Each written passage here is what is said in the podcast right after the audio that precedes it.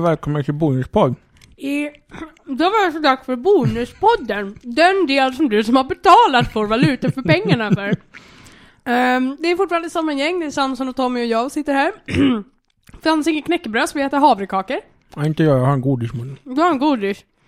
Um, bonusmaterialet är ju alltså det som sagt vad som är det, det är lite piffiga, piffigkryddan på knäckemackan. Um, Philadelphia-osten på kexet. Müsli-knäcke är det gott med filéfilóost på. Ja, vad för något? Müsli-knäcke. Müsli-knäcke? Mm. Mm. Det är jättegott med filéfilóost på det. Okej. Pepparrotsost käkar jag idag. Mm. Det är supergott på allting. kan man ha ägg. Jättegod äggröra. Vad ska vi prata om idag då? Mat verkar som. Har du läst uh, World War C? Mm, det har jag. Den håller jag på att läsa. Snart klar. Fruktansvärt bra en bok. Vet du vad jag har fått höra? Nej. Att eh, om man, om man eh, ser filmen som kommer nu, Mm. Helt ignorerar boken Mm. och inte förväntar sig något speciellt, så är den ganska underhållande. Jag kan absolut inte. Det här är ju vill jag- Det kan ju inte vara som boken. Ja, den, den, enda, den enda den har från boken är namnet på huvudkaraktären och titeln. Och det här är ju så fruktansvärt provocerande för mig. Ska du tugga färdigt först innan du pratar? Mm. World War Z. Jag misstänker att det säkert skulle kunna vara en underhållande, ganska dum zombie-actionrulle. Mm. Men det här är ju uppenbart att de hade ett annat manus klart, en annan film som de ville göra och sen inte fick något klartecken för eller någonting sånt och bestämde sig för, eller också redan hade fått klartecken att göra för att de fick in fucking Brad Pitt och då får man väl göra vad fan som helst. Det var Brad Pitt som ville göra filmen. Ännu värre! Så Brad Pitt är to blame for this. Ja. Jävla pitt. Ehm, för att det är ju uppenbart att de bara behövde någon, de ville knyta an till något som lät större. De ville ha någonting att jobba efter och då köpte de upp World War C IP, eller åtminstone bara för att kunna använda titeln. Och det här är ju en, det här är en bok om eh, det handlar om en journalist som åker runt efter zombieapokalypsen och intervjuar överlevande. Olika små, både så här stora armégeneraler och små privatpersoner i tre olika steg. Då det första är hur regeringen hanterade infektionen när den först bröt ut och hur man kontrollerade media och man framställde falska vaccin för att lugna allmänheten och hur storföretag profiterade på det här. I den första delen, andra delen handlar om själva outbreaket. Man åker till studentföreningar, man åker till Kina, Vietnam, man pratar med ubåtskaptener i Ryssland, allting med folk som har överlevt den här katastrofen på ett eller annat sätt. Som skedde för un- ungefär 12 år sedan. Exakt. Det finns fortfarande remnants kvar av den, men det är liksom... Och det verkar finnas fortfarande djupfrysta zombies norrut också. Ja, precis. Där det inte har tinat än så finns det fortfarande några som ligger djupfrysta någonstans. Och hur man har på olika sätt valt att kombatera det här. Också militärens egna ganska meningslösa insatser innan de lär sig att exempelvis skjutvapen hjälper inte. Närstridsvapen och typ någon form av romersk militärstil är ju vad som behövs. Där man formar tajta led med kravallskölder. Och sen liksom tar Man Folk- tör, törtlar, som det heter. Exakt, man törtlar. Och sen efter det, rent efter liksom the aftermath, det är hur man börjar bygga upp ett trevande samhälle igen och hur, hur, det, hur det fungerar när hela maktpositionen plötsligt har skiftat och den här stora bankiren som är van att vara top of the line, han är helt plötsligt helt värdelös. Medan hans städare som är uppväxt på en bondgård är värd guld för att han kan faktiskt vettiga saker Precis. som den här nya världen behöver. Och av det här gör man en film man snor det här för att göra den här filmen med Brad Pitt. Där det finns tornen springande zombies som klättrar över murar. Ja, det är ju inte zombies ens... som är snabbare och mer agila än vad människor är. Ja, och de zombiesarna i boken är ju den söliga zombien. Den är ju en ganska... Romeroska.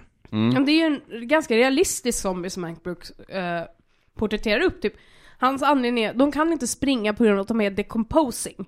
De är ju döda, det är klart de inte kan springa för att motoriken finns ju inte kvar. Plus att deras kroppar håller inte för den typen av belastning. Mm. Och sen så är det, de fryser vi i norr klarar oss ganska bra i Max Brooks universum, Sverige och Norge och det här. På grund av att, att vi har så långa vintrar.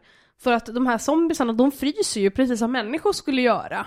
Förfryser de när det blir för kallt. De har ju fortfarande, även om det inte är så jävla blodlikt, så är det fortfarande en vätska liksom Mm. i dem. Och den fryser ju när det blir kallare. Och därför så, liksom, på, det som de nordiska länderna gjorde var ju liksom dra sig upp så långt norröver man kan. Barrikadera sig fram till vintern och när vintern kom gick ut med pålar och liksom stack genom huvudet på folk. Och jag har ju liksom, eller zombies då. Och jag har ju alltid drömt om att det här skulle vara någon ka- ganska bra HBO-serie. Där varje avsnitt skulle liksom köra en intervju med en eller Precis, två det, det, personer. det är det jag har tänkt också. Som film skulle man inte kunna göra en mainstream-film av det här.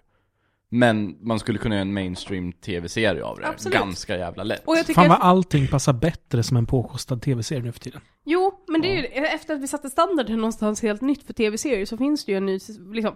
Det här skulle kunna vara en riktigt, det här skulle ju kunna, HBO skulle kunna konkurrera med The Walking Dead med det här IP't. Men nu är det här IP't uppenbarligen köpt. Av Brad Pitt.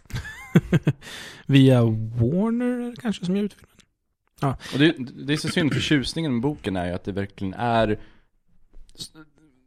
Det är nästan en här simulation om hur det skulle vara. Hur, alltså så här skulle det vara.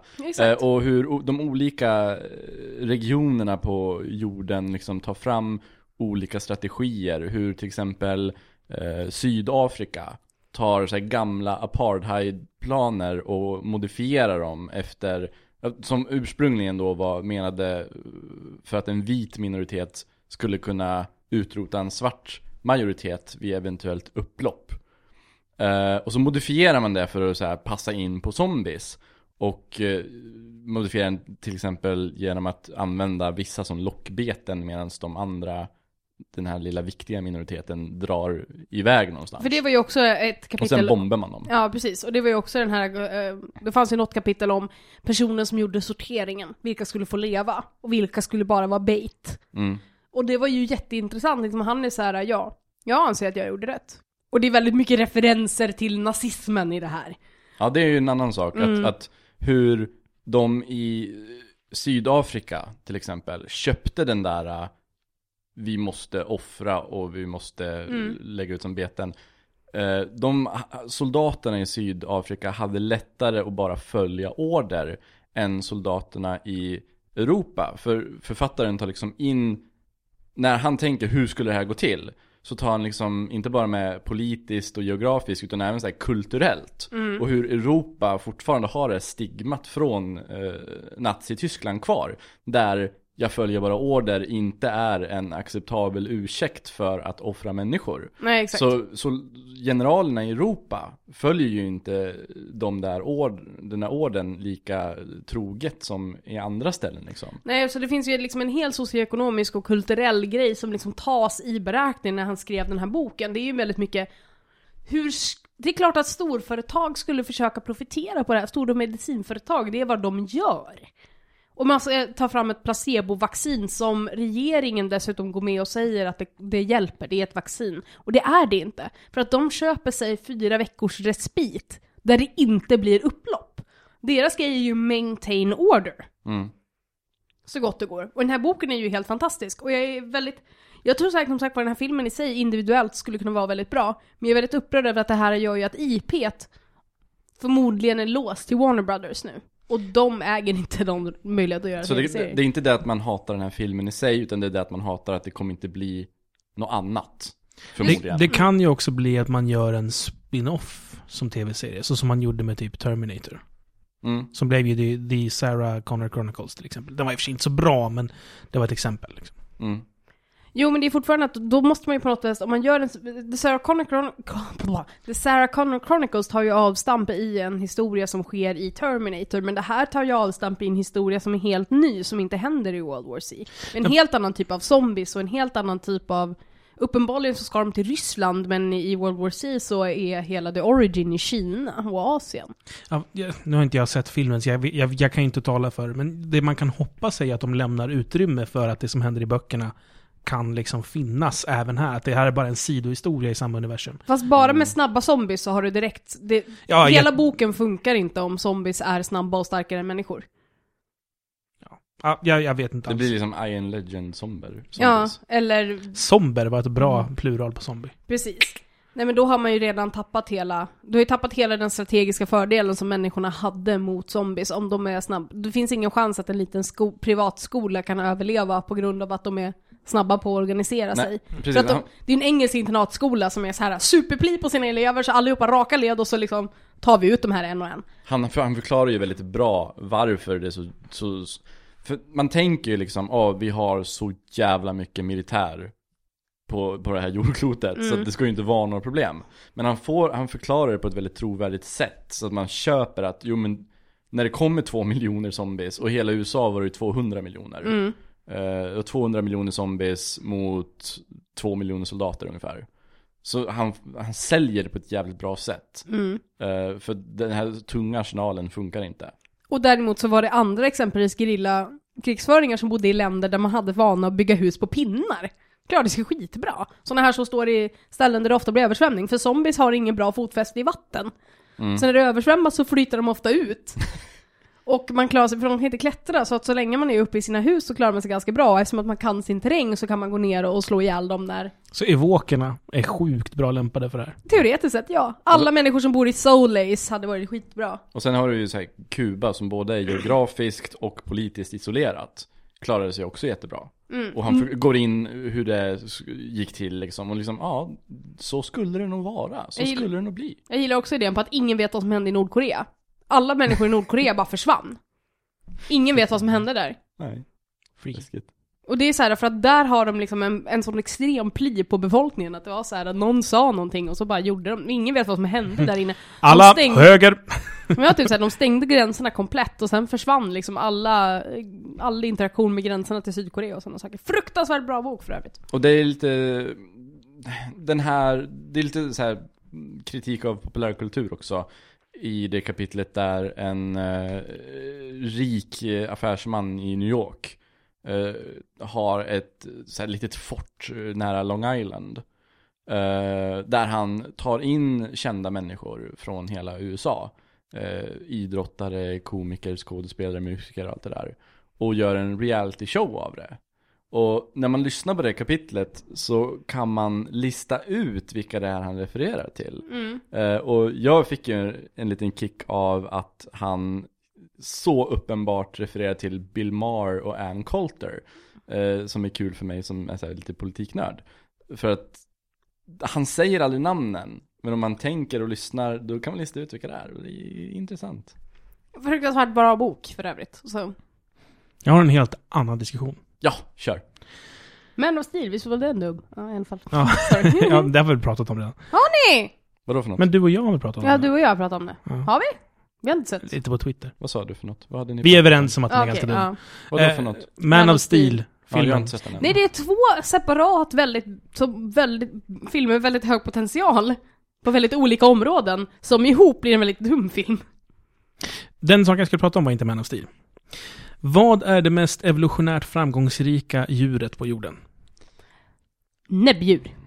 Nej. Nu måste jag Vad säger jag? Men vad är sån här... Blup, blup, blup, blup, blup, blup, blup. Jag sa som en anka fast en utter också. Ja, Och men en det, det är väl ett näbbdjur? Ja, ett näbbdjur, heter det Platypus. Ja, precis. Eh, hur, då definierar man framgång med spridning. Spridning, mängd, yta, eh, ranking i, i eh, vad heter det? Jag höll, på säga, jag höll på att säga könmaktsordningen, men köttmarksordningen om man säger så. Mås. Jaha, så näringskedjan också? Eh, ja, det, a- alla faktorerna väger in. För då är det ju inte myror.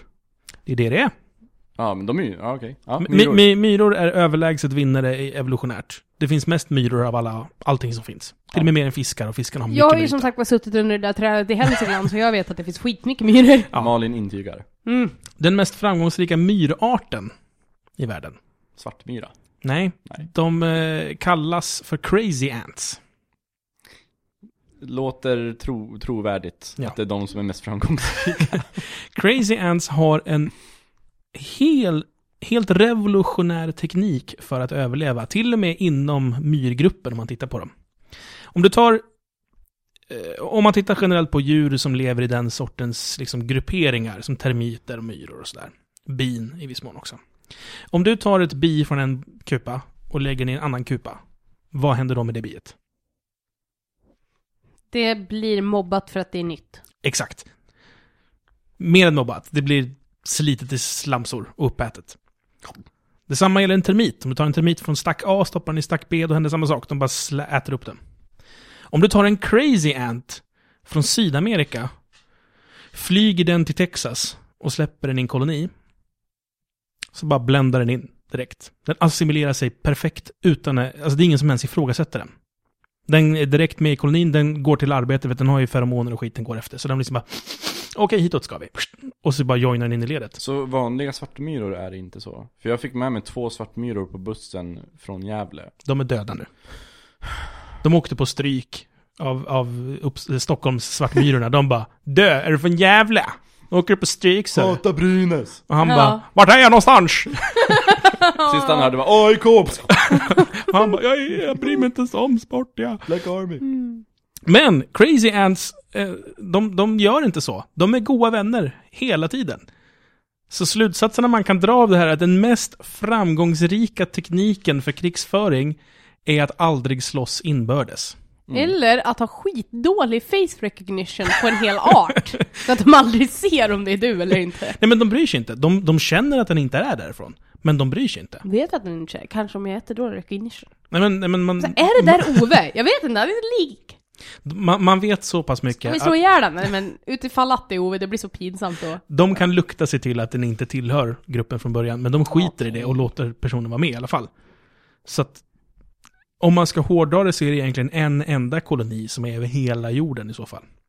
Av Ants. Fint. Så kommer Ove dit och så, så här snyltar han på deras socialbidrag. Och alla bara du det är lugnt, vi har så det räcker och blir över. Kom och joina, ta med dig hela släkten, vi skiter i vilket. Vill du Ja, det är klart vi kan ha bönutrop här, det är väl inga problem. Är det någon som har problem med bönutrop? Nej. Det är lugnt. Ja. Så ska vi göra också tycker jag. Mm. Eh, en rolig sak med, med Crazy Ants. De älskar elektricitet, det är det godaste de vet.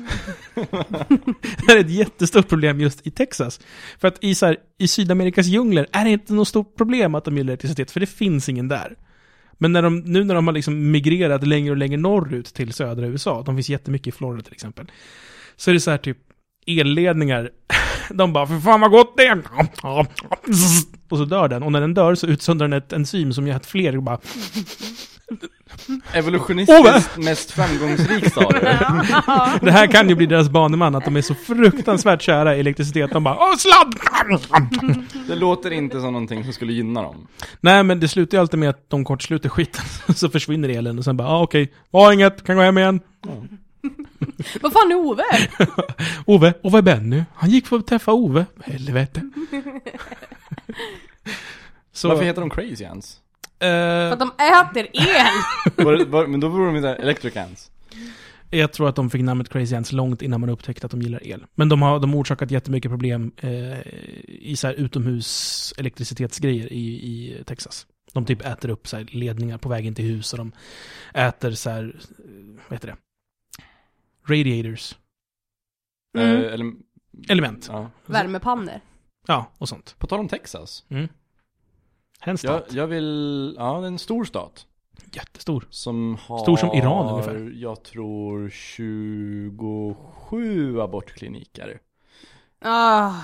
Vi Du vet det vad jag kommer snacka om? Mm. Vi Mm. pratade om det här... Vad gjorde vi det i bonuspodden? Nej, jag, jag pratade med det här med Anders skitsnack. Men vi kan prata om det en gång till. Mm. Pratade om filibustering. Mm. Mm. Vi pratade om Vilken, vilken, vilken, vilken tjej? det... Wendy. Wendy Davis hette Mm. hon va? Stod 13 eller 12 timmar. 13. Och ni, ni kan hela storyn där. Jag tror att hon stod faktiskt 11, 11,5 timmar, sen var det en annan, hon, hon var ju tvungen att stå i 12 timmar, eller om det var 13. Ja. Så hon, tror att hon stod, hon var tvungen att stå 13 timmar, hon stod 11,5 timme. Och sen efter det så hoppade en annan snubbe in och eh, fortsatte filibustra där hon hade slutat. Får man göra så? Eh, ja, då han hade begärt ta ordet direkt efter henne. Sen, Okej, sen, så ja, hjälpte, Så- sen hjälpte ju publiken till, sista Mm. biten. Ja precis, sen skrek de ju och det gick inte att, det var så o, liksom... Mm. Man, man, man kan ju inte gå till omröstning om det inte är order the court. Och det är ju Mm. så fåniga regler de har där. Man får Ja. inte byta ämne. Så när hon, när hon För de som inte är involverade i amerikansk politik så var det alltså som hände var att det var en, ett för, lagförslag som skulle komma upp i senaten. I, i, nej, i- Texas lokala avdelning. Ja, det Alltså kan, det- Det, var inte på, på landsnivå, utan det var Precis, Texas. men det här var teoretiskt att det skulle gå igenom i nästa instans och faktiskt bli eh, verkligt, vilket skulle sänka aborträtten till 20, vecka 20 tror jag. Ja, och det skulle göra så att bara eh, kliniker, alltså då gills inte till exempel någonting som heter Planned Parenthood, Mm. skulle inte gillas. Så antalet skulle sjunka ner till fem. Så det skulle I hela finnas... I- Texas. I, I stort praktiken skulle det inte gå att göra bort. Nej, det var ju det som skulle, det skulle lagligt inte gå att göra abort i Texas och det var hela idén. Och då var Demokraterna naturligtvis emot det här, Republikanerna var så himla för så de kunde inte riktigt vara med sig hur mycket för de var. Jag är för, jag med, men... Och då var det en specifik... Pro-life, fry that bastard. Exakt. Och eh, då var det en eh, demokratisk kvinna som hette Wendy Davis som ägnade sig åt någonting som heter filibustering, vilket alltså betyder att hon begärde ordet väldigt tidigt eh, innan omröstningen om det här skulle ske och talade i 11 timmar, eh, 11 och en halv timme i sträck. Eh, Stående. Stående, Får utan, inte luta sig mot något eller någonting. utan att luta sig mot någonting, utan att avvika från ämnet och utan att staka sig Utan att ta paus. och utan att ta paus, dricka Inte vatten, äta. äta. någonting Inte kissa. mm, i 11 och en halv timme för att det här då inte skulle kunna gå igenom och det här kallas för filibustering. Det är så att man förhalar beslutet tills man har stängt för dagen, det vill säga Mm. klockan 00.00 lokal tid. Och det som är så strångt är att eh, hon hade egentligen inte behövt stå där. För när de gör filibustering i senaten, då säger de bara filibustering och sen, För att de orkar inte med. Men det har inte alltid varit så. nej, den, det är någonting nytt. Och vad gäller filibustering så förstår jag vet inte, är det olika regler på, på eh, national nivå och på statsnivå? Jag tror det. För på national nivå så behöver du inte hålla dig till ämnet. Nej, på nationell nivå behöver man inte ens stå och prata. Så... Nej men alltså, på, även på den tiden de var tvungna att faktiskt prata ut tiden. Mm. Jag, jag, blev, jag blev förvånad över vilka stränga regler det var som gällde henne. För- Jag har aldrig hört om det förut. Nej men det är, någonsin. det är lokala regler, för det läste jag också om att det är just det här med att exempelvis så finns det ju i filibustering i andra, eh, typ som inte är Texas, så får man ju sitta ner exempelvis. Mm. Och det får man inte göra, eller liksom, Och jag, an- jag antar att Texas har extra fåniga, dåliga, dumma, stränga regler eftersom Republikanerna har så stort fäste där. Så de kommer aldrig behöva göra filibustering. nej exakt. Så Och man det- gör det så obekvämt som möjligt. Men teoretiskt sett så är alltså amerikansk politik baserad på ett system som gör att den som kan hålla handen över en brinnande låga längst utan att rycka bort den vinner. Men det här... äh, Ska väl tilläggas att man vinner inte, man förhalar beslutet Ja. så att det måste motioneras om. Precis. Men nu var det ju som så att eh, de... jag, jag trodde först att de gjorde det här, att de verkligen gjorde en filibustering. För jag tror det var... Det var någon... Harry, Ha- Harry Reid tror jag det var som gjorde det i senaten. Han verkligen stod också fler... Nej! Rand Paul var det. Det var Rand, han- Rand Paul var det. Inte Ron, utan Ran. Ja, Rand, han Det såg. var var det inte han som läste bland annat ur en kokbok? Och läste ur en, en så här pokerregler? Det vet jag inte, för jag, jag tittade inte på hela. Nej, inte jag heller, men jag, jag har läst om Ja, det. eh, det var Rand Paul. Eh, Och han gjorde det fast han inte behövde. För att det väcker uppmärksamhet när någon faktiskt står där. Eh, Det lyfter frågan. Så. Precis, så jag trodde att det var därför hon gjorde det. Men det verkar som att hon måste göra det i Det här, Texas. I Texas var det ju en akut åtgärd. Ja. För, att- för att rädda människor från att bara ha fem abortkliniker i hela staten. Det var i alla fall så så att hon fick eh, third strike and you are out. Så de röstade på det här. Eh, sen upptäckdes det att de ändrat ändrat klockan i röstningsmaskinen så att det skulle se ut som att de hade hunnit rösta. Mm, de röstade 0002. Mm, så de var för sent ute. Mm. Det vill jag också minnas att man... Eh, när, när, när hon... För de hittade ju ett kryphål på henne. Mm. När de sa ah, nu har avvikit från ämnet. När hon pratade om... Jag tror att det var eh, rönt, eh, när man röntgar efter spädbarn, vad är det det heter? Uh, ultraljud. Ja, när hon kom in och pratade om ultraljud, då var det så här, nu är du alldeles för långt från abort. Mm. Och då, då tvingar man henne till tystnad och sen så fanns det han som hakade på direkt efter. Han tvingade man också till tystnad ganska snabbt och sen så började de skrika i lokalen. Liksom bara, vi, vi vrålar tills klockan är tolv. Och det finns då lagar som säger att innan du gör abort så måste du titta på bebisen. Ja, du måste gå igenom ett ultraljud och Ja. få se en bild på bebisen Precis. innan du... Plus att det var tal om, jag tror inte att det gick igenom, men jag är inte helt säker. Med att man var tvungen att föra in någonting i underlivet eh, för att ta någon, något helt onödigt prov som aldrig har behövt förut. Mm. Eh, det, det måste man ta för att få göra abort. Hur som helst i alla fall, klockan 00.01 så slutade man vråla för publiken var så här, nu är hon ett över, nu är det lugnt. Och då gick man till omröstning i alla fall. Med motiveringen att vadå, klockan är inte 12 än för att deras officiella klocka som någon hade ställt om inte visade. Mm. Men den röstningen förklarades ogiltig. Ja. Tack och lov. Ja. Så, yay Wendy and company. Mm. Jag blev väldigt imponerad. 11 timmar, stå upp i 11 timmar. Jag är jätteimponerad av hennes insats, men jag är också sjukt eh, anti-imponerad av att det här är ett system som faktiskt behövs. Mm. Att, det, att vi ens diskuterar huruvida en kvinna ska få bestämma själv över sin kropp eller inte. Jag tycker inte Jag tycker inte män ska blanda sig i den diskussionen faktiskt.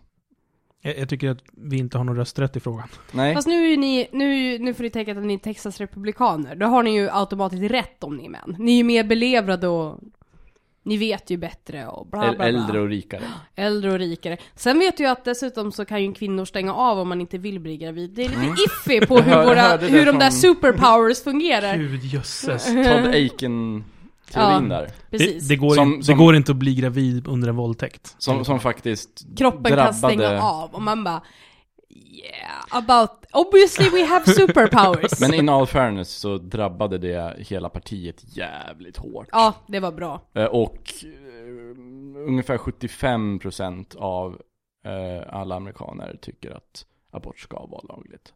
Även de som inte gillar det. Och då, jag såg en, en, ett, ett kort klipp. De flesta är väl överens om när det rör sig om våldtäkt. Åtminstone. Ja. Eh, Men jag såg ett kort klipp där de intervjuade sådana här abortmotståndare som står och skriker på kvinnor som kommer in och ut från abortkliniker och som redan mår jävligt dåligt. Mm. Eh, De står med skyltar och skriker på dem. Eh. Eller så står de lite mer tvärs över gatan, lite med skyltar och så här passivt dömer. Beror på hur många restraining orders de har fått. Mm. Ja.